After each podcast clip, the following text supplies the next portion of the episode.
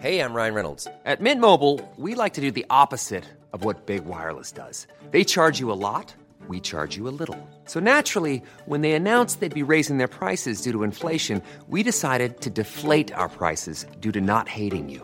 That's right. We're cutting the price of Mint Unlimited from $30 a month to just $15 a month. Give it a try at mintmobile.com slash switch. $45 upfront for three months plus taxes and fees. Promo rate for new customers for limited time. Unlimited more than 40 gigabytes per month. Slows. Full terms at mintmobile.com.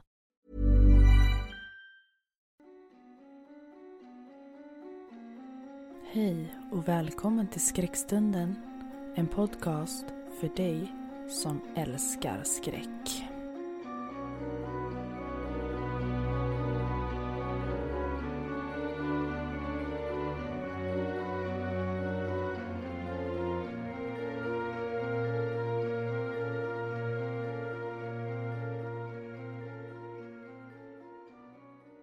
Du lyssnar på Skräckstunden med mig, Veronica Hammarlund.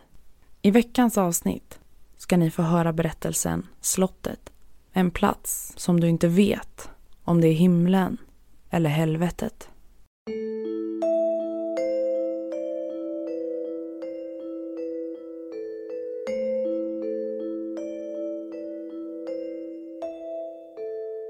Sök och ni ska finna en plats att värma er på. Fråga och ni ska en plats att sova få. Be om mat och ni ska bliva bönhörda. Men var på er vakt, ni ska denna plats nu vörda. För alltid, i evighet. Mörkret hade fallit för länge sedan och regnet piskade rutan där jag satt i min döda bil. En gren lossnade från ett närstående träd, fångades upp av vinden för att hejdas av bilen som stod i dess väg. Jag tittade skräckslaget upp för att i nästa sekund förbanna min livliga fantasi som genast kom att tänka på alla de spökhistorier farmor berättat för mig och min syster sedan vi var små. Förbannade jävla skrothög, starta då. Jag vred om nyckeln igen, men bilen låtsades inte ens försöka starta den här gången. Kul tänkte jag. Sitta mitt ute i ingenstans, i mörkaste Norrland, i en bil som vägrar fungera med farmors spökhistorier i huvudet. Jag ruskade på mig för att försöka få bort den olustiga känslan som infunnit sig de senaste minuterna. Jag sträckte mig efter min väska, öppnade bildörren och klev ut i ösregnet och den häftiga vinden. Jag kunde inte sitta i bilen hela natten. Det var bättre att försöka hitta något ställe där jag kunde få sova. Kanske få lite mat att stilla min hunger med och sen försöka få skjuts dagen efter till närmaste samhälle. Medan jag gick vägen fram förbannade jag min idé att köra hem till Jo från farmors 80-årsfest som hade ägt rum utanför Luleå. Visst, jag hade behövt samla tankarna men det hade jag kunnat göra på tåget. Min skrothög till bil klarade inte långa resor. Det var knappt att den ville köra mig den knappa kilometern till pizzerian hemma i Jo. Ett ljud fick mig att hoppa till och stirra in i skogen. Var det någon där? Det var för mörkt för att se så jag ökade stegen för att komma därifrån. Ljudet av en gren som knäcktes fick mig att titta upp, lagom att hinna ducka när vinden fick den att blåsa rakt emot mitt stackars huvud. Det kanske var bättre att vänta i bilen i alla fall och försöka starta imorgon. Jag vände mig om för att börja gå tillbaka. Förvirrat tittade jag längs raksträckan. Jag såg inte bilen någonstans. Visserligen var det mörkt, men jag såg ändå skogen ganska långt. Dock inte en skymt av bilen. Hade jag gått så långt? Det kändes inte som det. Jag suckade, men bestämde mig för att fortsätta framåt lika väl som att leta efter bilen. Långt om länge när jag frös så att jag knappt kunde gå och magens kurrande överröstade vindens vinande fick jag syn på ett välkomnande ljus. Jag skrattade högt av lycka att mina böner om att hitta ett hus hade blivit hörda. Ett mindre slott tornade upp sig framför mig och det lyste i spridda fönster. Jag ökade på stegen trots att det värkte i varenda muskel. När dörren öppnades, nästan innan jag hann höja portklappen, grät jag nästan av lättnad. En husa i sin tidlösa dräkt och en lykta i handen stod framför mig. Kom in mitt barn. Inte ska ni vara ute i den här stormen. Hon steg åt sidan för att släppa in mig och jag steg tacksamt in i värmen. Jag märkte att det brann en brasa i den öppna spisen och att det satt lyktor med levande ljus längs väggarna. Tur att det förberedde för sådana här stormar tänkte jag. Det skulle inte vara kul att vara här utan både el och stearinljus. Hallen var stor och rymlig, men varm och välkomnande. En trappa till vänster om mig ledde upp till de övriga våningarna och framför mig övergick hallen till ett stort vardagsrum med stora tunga soffor, fler lyktor och ytterligare en värmande brasa. Jag vände mig mot husan.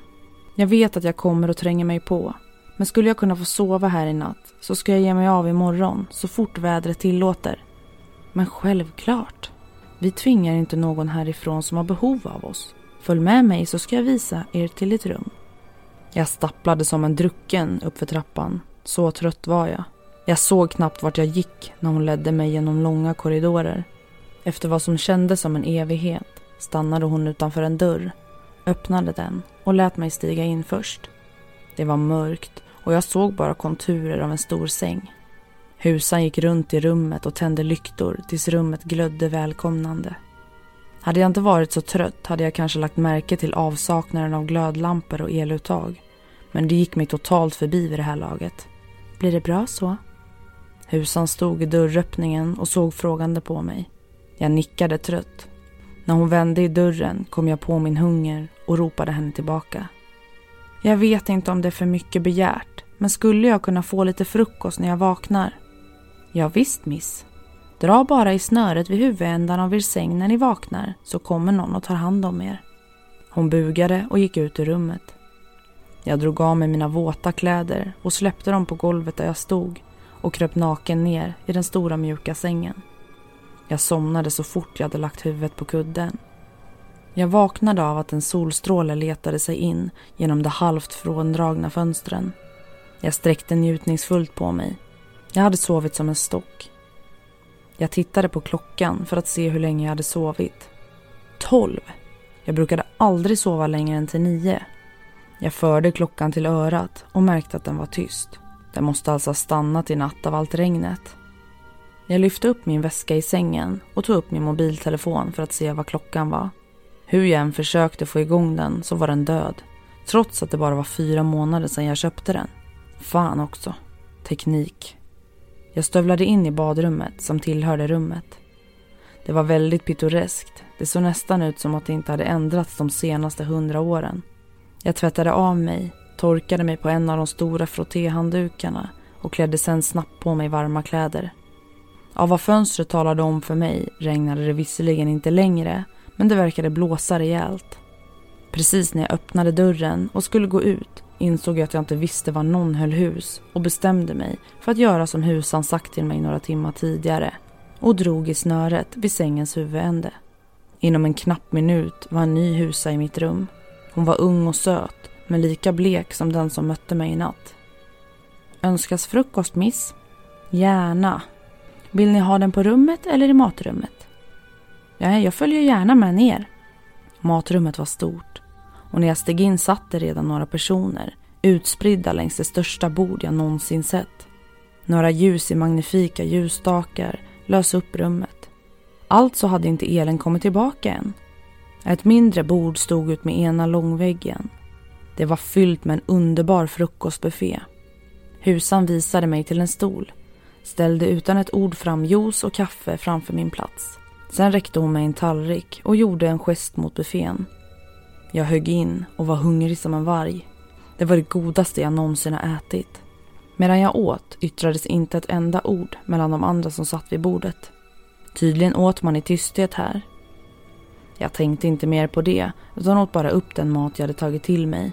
Och när jag var klar kom en tredje husa fram till mig. Är allt till belåtenhet, miss? Ja, det var jättegott. Tack för er gästfrihet. Åh, tack så mycket, miss. Det är så kul att ha er här. Om ni går ut i stora hallen, den ligger till höger utanför dörren, tar Amanda hand om er. Det var hon som mötte er i natt när ni kom. Tack. Jag lyfte upp min bag och gick. Glad att äntligen få åka hem igen. Trots de vänliga människor jag hamnat hos. Jag gick ut i hallen och fick syn på Amanda. Tack så jättemycket. Ni har verkligen varit hjälpsamma. Det var så lite så. Om ni vill träffa resten av husets invånare. Eh, tack, men jag vill gärna åka hem. Hem? Ja, hem. Ni är hemma. Ni bor här. Nej, det gör jag inte. Jag kom i natt. Ni kom hem i natt? Ni har varit borta länge, Miss Erika. Jag ryckte till och stirrade på kvinnan. Hur vet du mitt namn? Hon gjorde en gest mot en av tavlorna på väggen. Väskan for i golvet med en duns när jag slog händerna för munnen. Där fanns ett porträtt av mig. Jag vände mig mot platsen där dörren fanns, eller borde finnas. Där var bara vägg. Jag slöt ögonen för att samla mig. Är det okej okay om jag går upp på mitt rum? Ja, visst, Miss Erika. Kommer ni ner till lunch? Jag nickade, grep tag i min väska och rusade upp för trappan.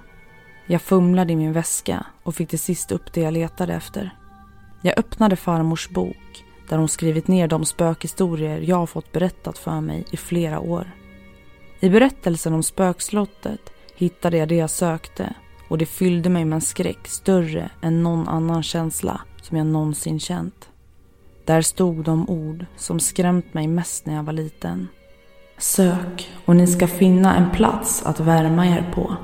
Fråga och ni ska en plats att sova få. Be om mat och ni ska bliva bönhörda. Men var på er vakt, ni ska denna plats nu vörda. För alltid, i evighet. Hur kunde jag vara så dum? Varför hade jag inte kommit ihåg det? Jag grät tyst där jag satt på sängen. Nu förstod jag varför klockan stannat och mobiltelefonen var död. Klockan var inte tillverkad än och mobiltelefonerna var inte uppfunna. Jag befann mig utanför tiden. Jag befann mig i limbo. Dagarna gick och blev till veckor. Jag satt ofta vid fönstret i mitt rum och tittade ut på den värld som jag inte längre tillhörde. De första dagarna hade jag letat efter ett sätt att ta mig ut. Men fönstret gick inte att öppna och några dörrar ut fanns inte. Det verkade som om bara Amanda hade makt att öppna den dörr som jag kommit in genom. När jag stötte på någon av invånarna stirrade de ofta på mig. Deras blickar var fyllda av medlidande och nyfikenhet. Än hade jag inte mött några män, vilket förvirrade mig. Jag hade läst farmors spökhistoria om slottet många gånger. Men det stod inget om att det var könsdiskriminerande. Varje dag i slottet var den andra lik. Det var bara världen utanför som ändrade sig. Tristessen höll på att förgöra mig. En dag när jag som vanligt satt i mitt fönster och stirrade ut över slottsgården kom en bil uppkörande på uppfarten till slottet. En blå Volvo. Pappas Volvo. Min familj steg ut ur den. Jag började banka på fönstret. Här är jag. Titta hit, här är jag. Kom och ta mig härifrån. Men de reagerade inte. De gick sakta fram till dörren och en ny fasa fyllde mig. Tänk om de också blev fast. Men de skulle inte be om husrum och mat. Det var fint väder och varför skulle de be om mat? Även om de inte kunde se mig skulle de bli fria. Jag såg hur de sakta gick mot slottet. Hur de sökte av omgivningen efter ledtrådar. De måste ha sett min övergivna bil och hade hopp om att hitta mig. När de började gå mot slottets ingång rusade jag ner mot den för att se vad som skulle hända. När jag sprang ner för den svängda trappan såg jag en dörr skjutas upp. Jag rusade mot den för att välkomna min familj som kom in genom den. Mamma! Jag kastade mig om halsen på henne och föll rakt igenom henne. Jag var inte beredd på det här. De såg mig inte. För dem fanns jag inte. Inte rent fysiskt. De såg inte slottet på det sättet jag gjorde. För dem var det bara en ruin. Jag rusade mot dörren som de lämnat på glänt. Men när jag nådde den kastades jag tillbaka med en kraft som jag inte trodde var möjlig och dörren slog igen med en smäll. Min familj snurrade runt och jag kunde se skräcken lysa i deras ögon. Sakta, i en tät grupp, fortsatte de framåt, med mig efter. Att se dem så nära och veta att de inte kunde se mig fick mitt hjärta att brista. Men sånt var slottet. Det visade vad det ville visa. När jag insåg att de gick mot salongen fick jag en idé. Vissa delar av slottet var belagt med ett tunt lager damm och salongen var ett sånt rum. Jag gick före dem och började skriva den gamla dikten i dammet på ett av borden. När min familj kom in var jag precis klar. Nu gällde det bara att de såg vad jag skrivit.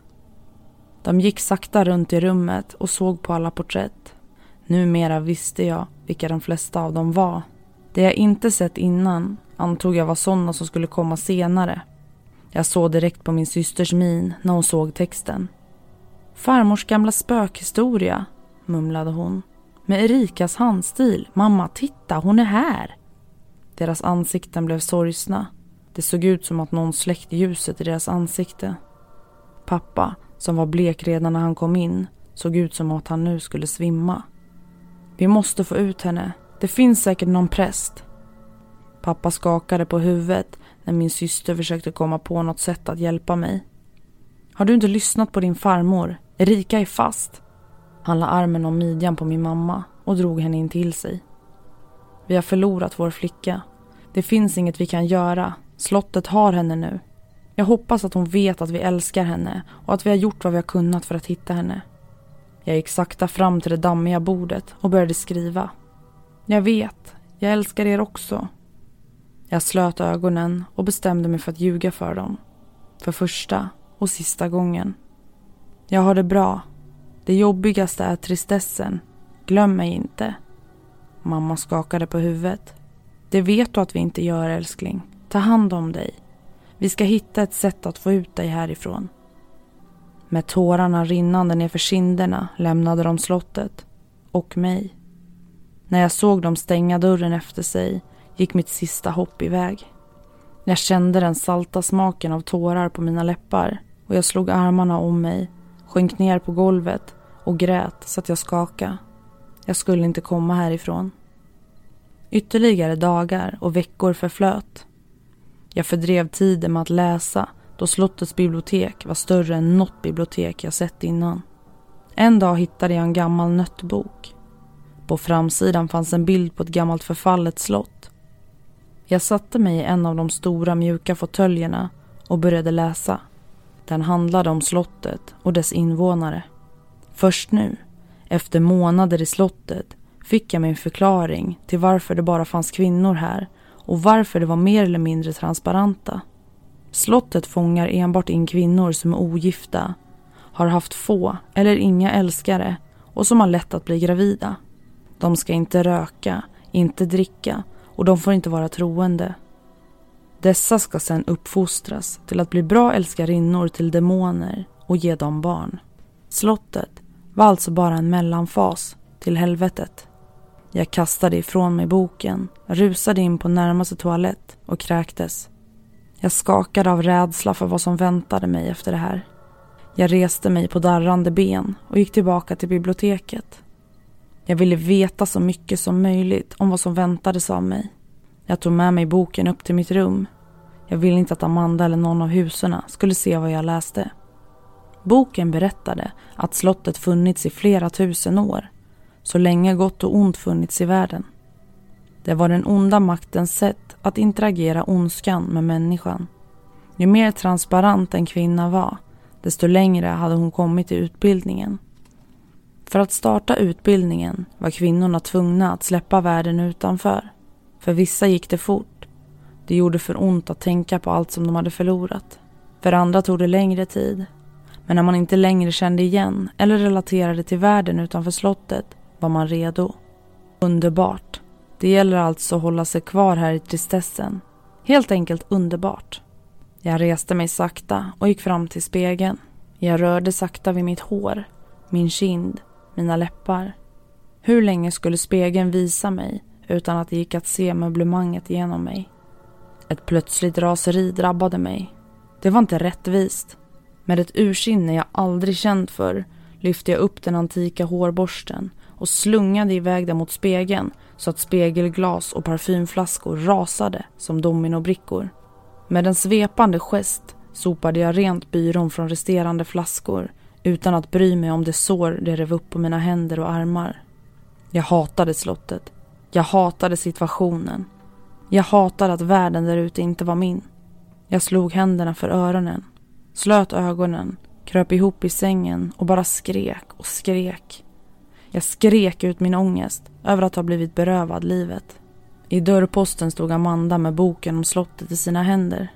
Erika skulle inte läsa kapitlet om hur ondska frodas i ursinne och hat.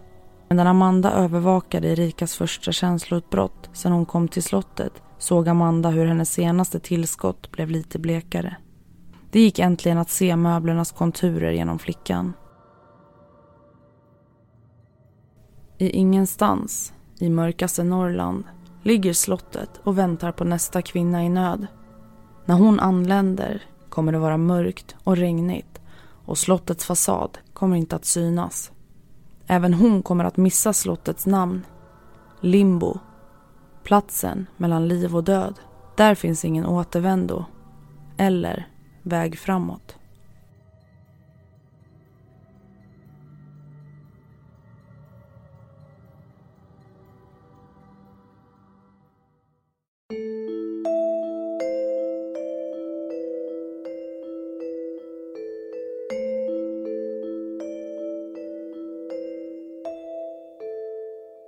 Du har hört berättelsen Slottet, skriven av lyssnaren Malin. Det här var avsnitt nummer 20 ifrån Skräckstunden och också säsongens sista avsnitt.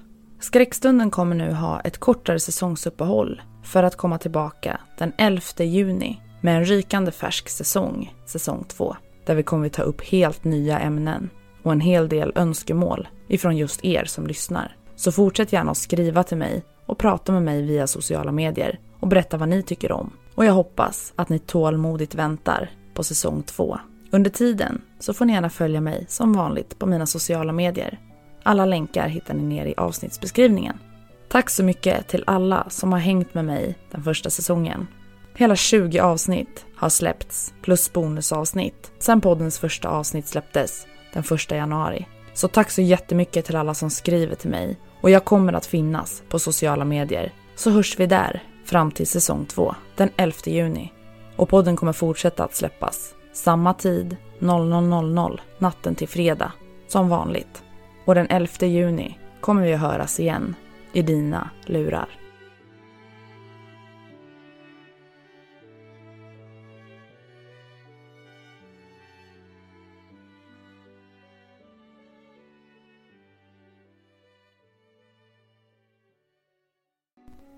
Du har lyssnat på Skräckstunden. En podcast som får ditt blod att frysa till is. Ha en fin vecka så hörs vi snart igen.